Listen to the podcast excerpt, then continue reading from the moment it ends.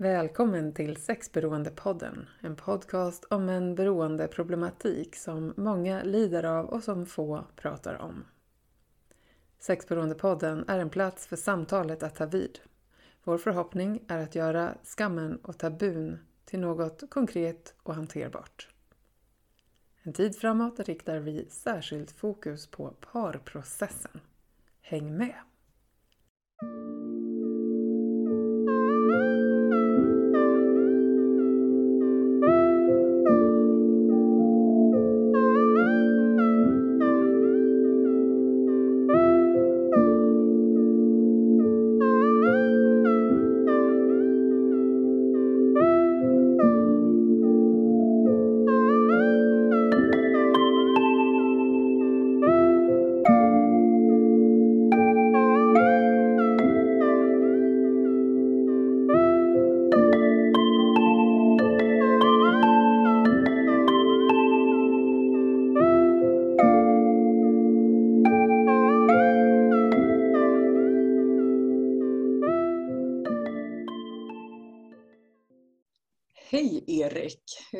Läget med dig idag?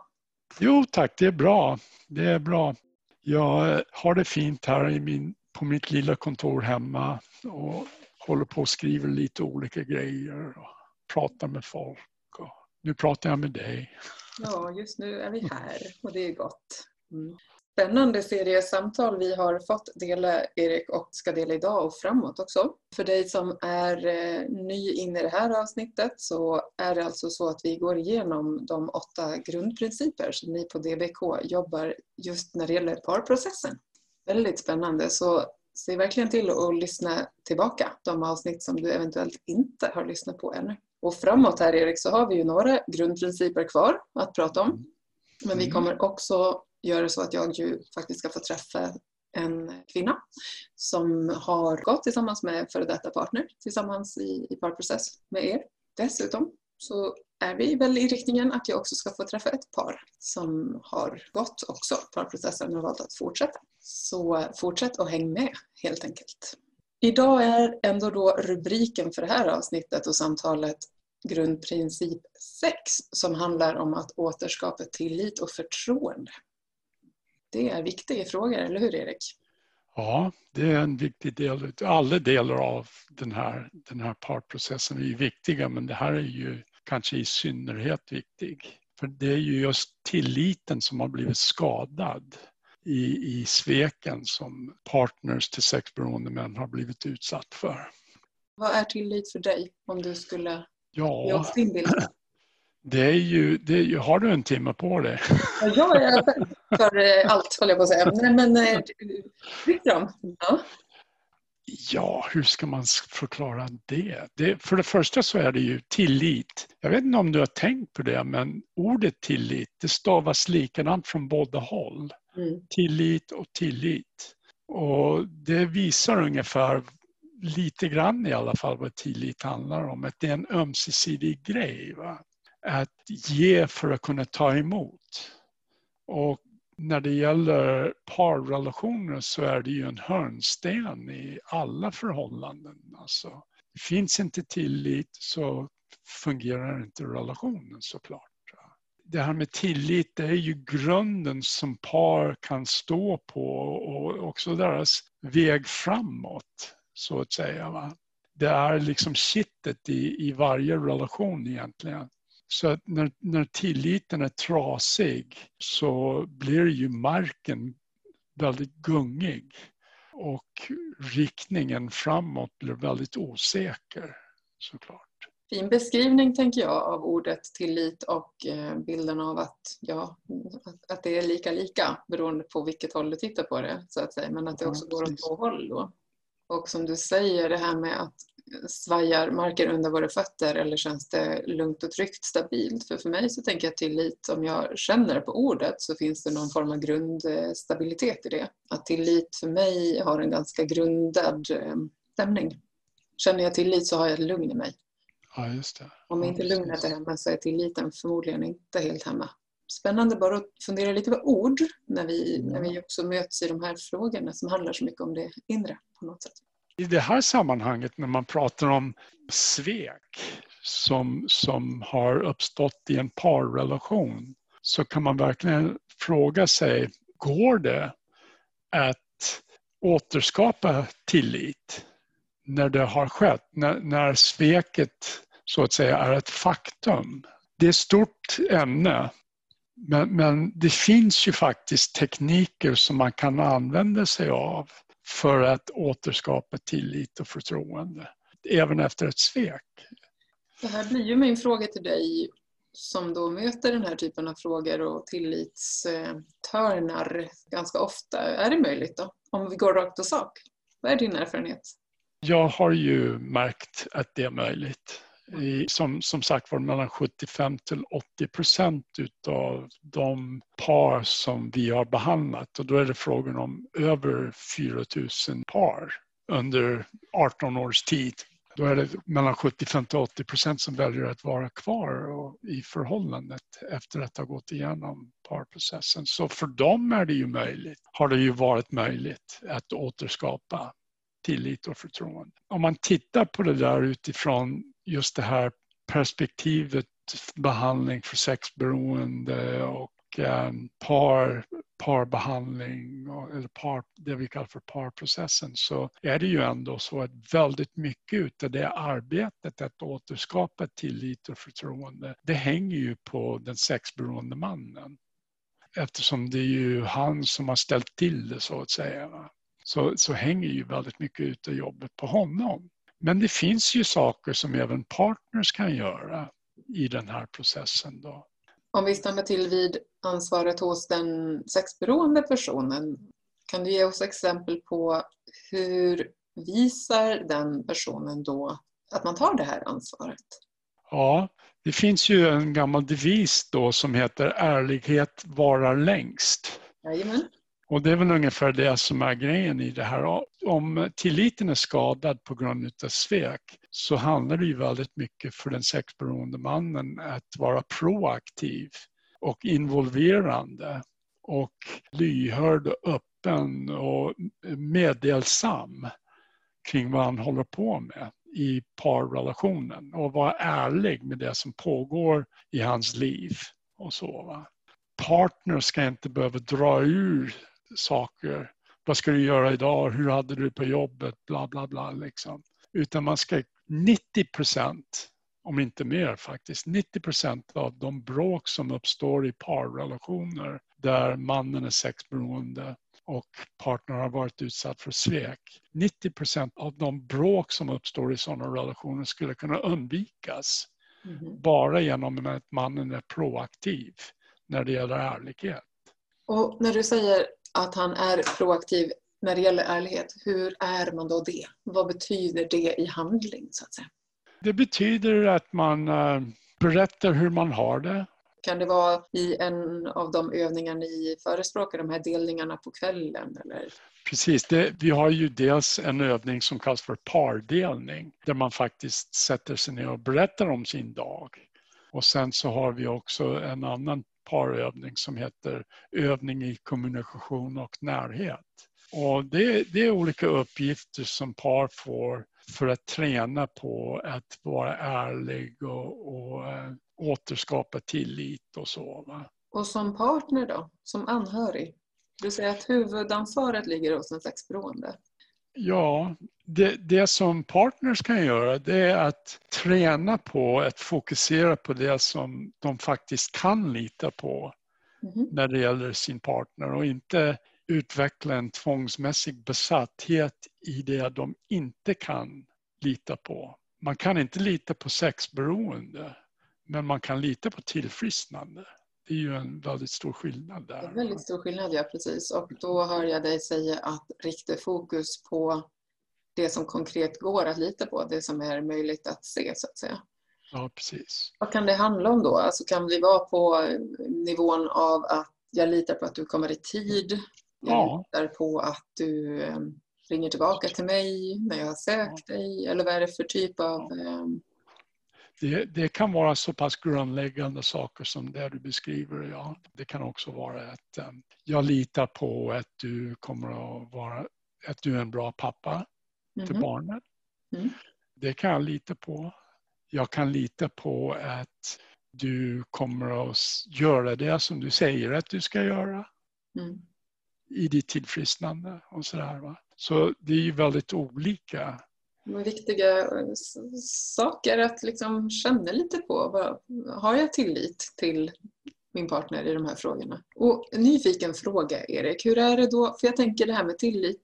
Det handlar ju inte bara, tänker jag, om tilliten till någon annan. Det handlar ju väldigt mycket också om tilliten till sig själv, eller? Ja, det gör det ju. Det gör det ju för båda faktiskt. När det handlar om sexberoende män som går i behandling så handlar ju behandlingen väldigt mycket om att ta ansvar. Vara på en plats i sitt liv där, där man, eh, hur ska jag uttrycka det? Det finns ett ord på engelska som heter accountability. Att eh, kunna hållas ansvarig för eller Ja, precis. För, eller? Ja, precis. Det, det här med ansvarstagande och att bryta det hemliga livet som ju finns i sexberoendet och börja på att vara, ta ansvar för den man är och visa den man är och så här. Va? Och det kan man göra genom att vara 100% transparent när det gäller väldigt må många saker i sitt liv, till och med ekonomin och så här. Va? Man tar på sig ett ansvar att i den här relationen ska jag ta mitt ansvar för läkning genom att vara 100% transparent. Och genom att vara proaktiv när det gäller ärlighet och att vara noga med att involvera sin partner utan att fastna i detaljer. Va? Man kan till exempel skriva en dagbok som innehåller olika tider eller göra ett schema som du vet, porrberoende män till exempel behöver verkligen göra ett schema för hur man ska, man måste vara ansvarstagande under väldigt många timmar under dygnet. All vaken tid egentligen därför att porren har ett sånt enormt sug. Så att om man får minst utrymme att kunna få agera ut i porr, då gör man det. Det handlar väldigt mycket om att göra scheman för sin dag så att man inte får utrymme. Som en akut åtgärd på ett akut problem. Att skapa utrymme och planera för att eh, ja, ge sig själv eh, mera funktionella aktiviteter i, genom dagen. Precis. Och, och sen har det ju också till exempel, det finns ju till exempel, vi kan ta 10 minuters regeln till exempel. 10 minuters regeln det innebär att om min partner ringer till mig och jag är en tillfrisknande sexberoende. Om min partner ringer till mig och jag är upptagen och kan inte svara i telefon. Då har jag 10 minuter på mig att ringa tillbaka till exempel det är ett sätt att vara proaktiv när det gäller ansvarstagande eller att vara ärlig. Okay. Så, är det här då något man definierar tillsammans i paret? Att, att man ja. signar så att säga för den här typen av eh, upplägg? Ja, precis. Det är ju det. Det finns en annan regel till exempel som heter 24 timmars upplysningsregeln. Och det är om jag är inne i ett återfallsprocess då har jag 24 timmar på mig att säga sanningen till min partner. Att man kommer överens om det. Och när du säger återfallsprocess, ja. menar du då att man har så att säga fallit tillbaka i beroendet eller att man upptäckte att nu börjar det närma sig krasch? Jag menar både och. Mm. Ja, därför att det är en process att ta återfall. Det är inte så att återfallet är bara en lösryckt händelse utan det finns en hel process innan själva återfallet. Och konsten att tillfriskna från sexberoende handlar om att kunna upptäcka var någonstans det är möjligt att stoppa återfallsprocessen innan katastrofen kommer. Och 24 timmarsregeln bidrar till och hjälper till med då att skvallra på den här nedförsbacken. Ja, precis. Så, så att man hjälper sig själv men man hjälper också sin partner som behöver veta att du kommer att säga sanningen. Vara ärlig och vara proaktiv när det gäller ärlighet. En grej som, som också är väldigt viktig för sexberoende män i deras parrelation det är att kom inte med någon överraskning. Inga överraskningar alltså. Det spelar ingen roll vad det är. Va? För det kan trigga igång en partners anhörigtrauma. Och det spelar ingen roll om du har överraskat henne genom att boka in en, en helg på spa. eller om du överraskar henne med någonting annat. Det är en jättetrigger för traumatiserade partners att få en överraskning i knät. Alltså, det triggar igång traumareaktioner. Kan du utveckla lite hur det kommer sig att det kan bli en så stark trigger för en person i anhörigtrauma? Det man behöver i, i posttraumatisk stress eh, sova, det är ju att vara i en miljö där det är lugnt, där man kan sitta still i båten, där hjärnan kan få möjlighet att bearbeta själva traumat. när någon kommer med en överraskning, det spelar ingen roll vad det är för en överraskning, då sätts amygdala igång igen. Man kan bli jättearg liksom på en gång. Nervsystemet mm. reagerar på den här överraskningen som om att det vore risk för fara. Så att säga. Ja, precis. Ja, att det är oförutsägbart, det är inte så lugnt och förutsägbart. Precis. Även om det egentligen i grunden är en kärleksfull eller varm handling så, så nervsystemet kan inte alltid skilja ut på vad det är som ska komma. Så att säga. Nej. Och, och det, det, där hänger ju väldigt mycket ihop med, alltså man måste ju komma ihåg det att, att de här traumareaktionerna, de, är ju, de tillhör en del av vårt nervsystem som heter det limbiska systemet som, som handlar om den mest primitiva delen av, av människor. Och man kan få en bild i huvudet, jag får en bild i huvudet nu av par som vandrar på savannen för 15 000 år sedan. Som hela tiden måste vara på sin vakt för rätt vad det är så kommer det ett lejon och ska äta upp dem. Hjärnan är inställd på faror. Om man arbetar med läkning och liksom kommer in i en lugn situation och det har varit lugnt ett tag nu liksom, och så kommer det en överraskning. Då sätts hela systemet igång igen. Viktig grundförståelse att ha, tänker jag, om hur hjärnan fungerar och hur vi fungerar som människor också när vi har en historia med trauma faktiskt. Och då få tillit och förtroende att en grundsten i det är just förutsägbarhet, trygghet, stabilitet. Ja. Mm. Får jag fråga Erik, på temat att få verktyg att uppleva tillit, trygghet, stabilitet så tänker jag att du har nu nämnt 10 minuters regeln, 24 timmars regeln. Finns det fler eh, medskick Eh, som ni ger eller strategier för självreglering eller att ta hand om känslor som kan komma upp?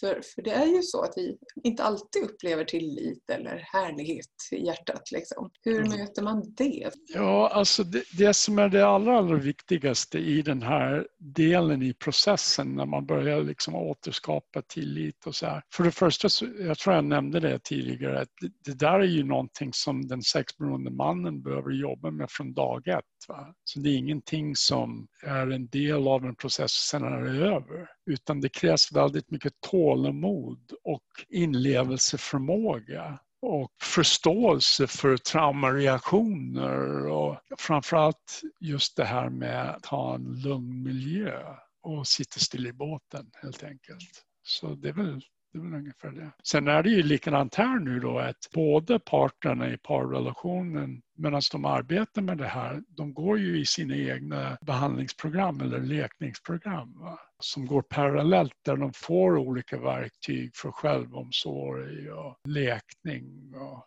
Precis, och det är nog det jag lite grann far efter i en, en eh, känsla och eh, kunskap om att ni ju har delar av ehm, ert behandlingsprogram som är ju centralt är det här med att var och en behöver hitta sina strategier. Det har vi varit inne på, precis som du säger, till läkning. Men att vi har olika behov att kunna hämta hem oss själva när tankarna spinner loss eller kroppen får påslag. Det är helt naturliga reaktioner. Hur kan vi lite sänka volymen på det mm. när det blir ohållbart? Mm. Och jag tror att det är väldigt viktigt också om man tänker utifrån partners perspektiv så att man tänker så här att de här reaktionerna som jag har, de är, precis som du säger Tove, de är ju helt naturliga. Det, traumareaktioner är helt naturliga. Det som är onaturligt, det är ju, det är ju sveket. Det är inte naturligt att bli utsatt för svek. Va? Men reaktionerna är naturliga. Och det spelar ingen roll vad reaktionen är. Det är ju lika naturligt oavsett vad det handlar om. Mm. Jo, men, och det här är viktigt tycker jag. Eh, oavsett ingång på känslor eh, liksom av eh, ilska, glädje, lust, sorg. Välj vart på spektrat. Så vi har alla de här känslorna för att de fyller ett syfte och en funktion. Det är så att känslor är friska reaktioner på någonting som vi upplever. Det som kan ju vara, om, om det är så att vi däremot upplever en låsning i de här sakerna, då blir det ju inte längre sunt och funktionellt. Och det är då vi ännu mer behöver komma igenom de här, till exempel anhörigtraumat eller där nervsystemet ju faktiskt kan vara ganska felkalibrerat när man har upplevt stora psykotrauman. Då behöver vi få hjälp att omprogrammera och titta på lite strategier. Fram tills dess så är det ju helt sunt och en frisk reaktion att mm. känna allt ifrån det härliga till det ganska eh, tuffa som reaktion. Och det är viktigt att skicka med att vi inte gör någonting sjukt av känslor. För känslor är i grunden väldigt, väldigt viktiga. Men du Erik, det här med att återskapa tillit och förtroende, precis som vi har varit inne på förut så är ju ingen av de här åtta grundprinciperna så att de står helt på, på egna ben så att säga, utan de går ju i och ur och samverkar på något sätt med varandra. Precis. Vad finns det mer som, som vi kanske missar att prata om eller som vi borde stanna till lite mer vid när det gäller att återskapa tillit och förtroende? Ja, som sagt var, det som partners oftast behöver det är ju att mannen visar att det går framåt, att det sker en förändring och också att personen är kvar. Och jag har ett exempel ur mitt eget liv faktiskt som jag skulle kunna dra. Jag, min dotter, hon, eh, jag hade ju inte kontakt med henne de första nio åren av hennes liv. Så att när jag skulle tillfriskna ifrån mitt kemiska beroende då ville jag ha kontakt med henne för att liksom gottgöra de skador som jag hade ställt till med. Och det, och det, det gjorde jag. Det var en hel process och, och liksom kontakta henne och bygga upp förtroende och tillit och det här. Hon testade ju mig väldigt mycket alltså i början. Hon kunde bli jätteförbannad och jag förstod rent instinktivt från början att här gäller det att visa att jag är kvar. Så jag, jag, jag kunde till exempel säga till henne när hon blev rasande liksom, så kunde jag bara hålla om henne och säga du får vara så arg du vill på mig, det är helt okej okay, och jag kommer inte att lämna dig. Jag kommer att finnas kvar här. Mm. Så, och det är väl ungefär den grejen som sexberoende män behöver ibland visa sin partner. När hon mår som värst så behöver hon dig som mest. Och sen eh, när det gäller partners så är det ju så att de är ju fångna så länge de inte förlåter personen. Jag brukar visa en bild som jag har i, när jag håller föreläsning av en, av en sån här krok, fiskekrok. Och då finns det två maskar på den kroken. Den som är längst in det är ju partnern. Den som är längst ut är den sexberoende. Och partnern kommer inte av kroken om hon inte först släpper av den här sexberoende personen släpps av kroken först så, så kan hon, de är båda två fångna så länge man inte kan acceptera eller förlåta det som har varit. Och det innebär också att man är dömd att ta med sig det som har hänt i nästa relation. Alltså känslan av svek. Om man nu väljer att lämna relationen. Ja, och även om man är kvar i den så tänker jag att leva i den smärtan obearbetat kostar ju också mycket energi och boende. Och Erik, du vet ju numera att jag jobbar mycket med visuella bilder. Ja, just det. Och jag tänker när du tar det här exemplet med eh, fiskekroken så tänker jag att eh, om man ser en fiskekrok framför sig så vet man också att på spetsen där så är det en liten hulling. Ja, just det. Som gör att kroken inte ska dra sig tillbaka, eller hur? Ja, så den som har fastnat med en fiskekrok i fingret vet att eh, man måste faktiskt trycka igenom den här. Mm. Det går inte att dra ut den här hullingen samma väg som den kom för det skadar jättemycket. Vi måste alltså ut och igenom på andra sidan, klippa ja, av den här hullingen för att det sen ska vara relativt smärtfritt att eh, dra ur kroken och fortsätta. Ja, det blir en ganska viktig liknelse på temat mm. att eh, bearbeta sorg, ilska, frustration och förlåta som vi har varit inne på eh, i den här eh, programserien faktiskt. Ja, och om man inte kan förlåta så kan man i alla fall acceptera. Ja. Så, Ja. Åtminstone. Ja, men faktiskt. Och för sin egen skull, tänker jag. ja, just det. För att gå runt med den där kroken eller försöka dra den igenom tillbaka, det, det, det kostar.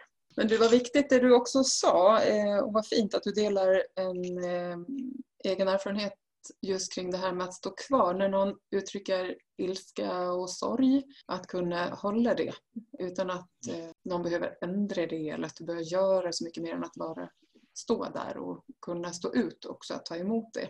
Mm. Det är också att visa att här går det att stå stabil och skapa tillit genom det.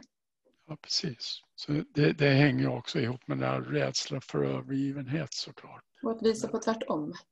Ja, Igen så får jag det där ordet som jag tror vi inledde med för x antal samtal sedan att hopp är det som kommer när jag lyssnar.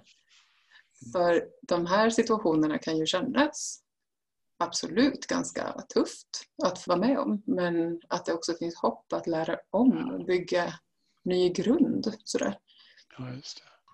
Nu när vi slutar för den här dagen Erik så går vi i alla fall du och jag in i lite helg. Och jag vet att du brukar vara bra på att vara ledig på helgen. Är det något särskilt som händer dig som du ser fram emot?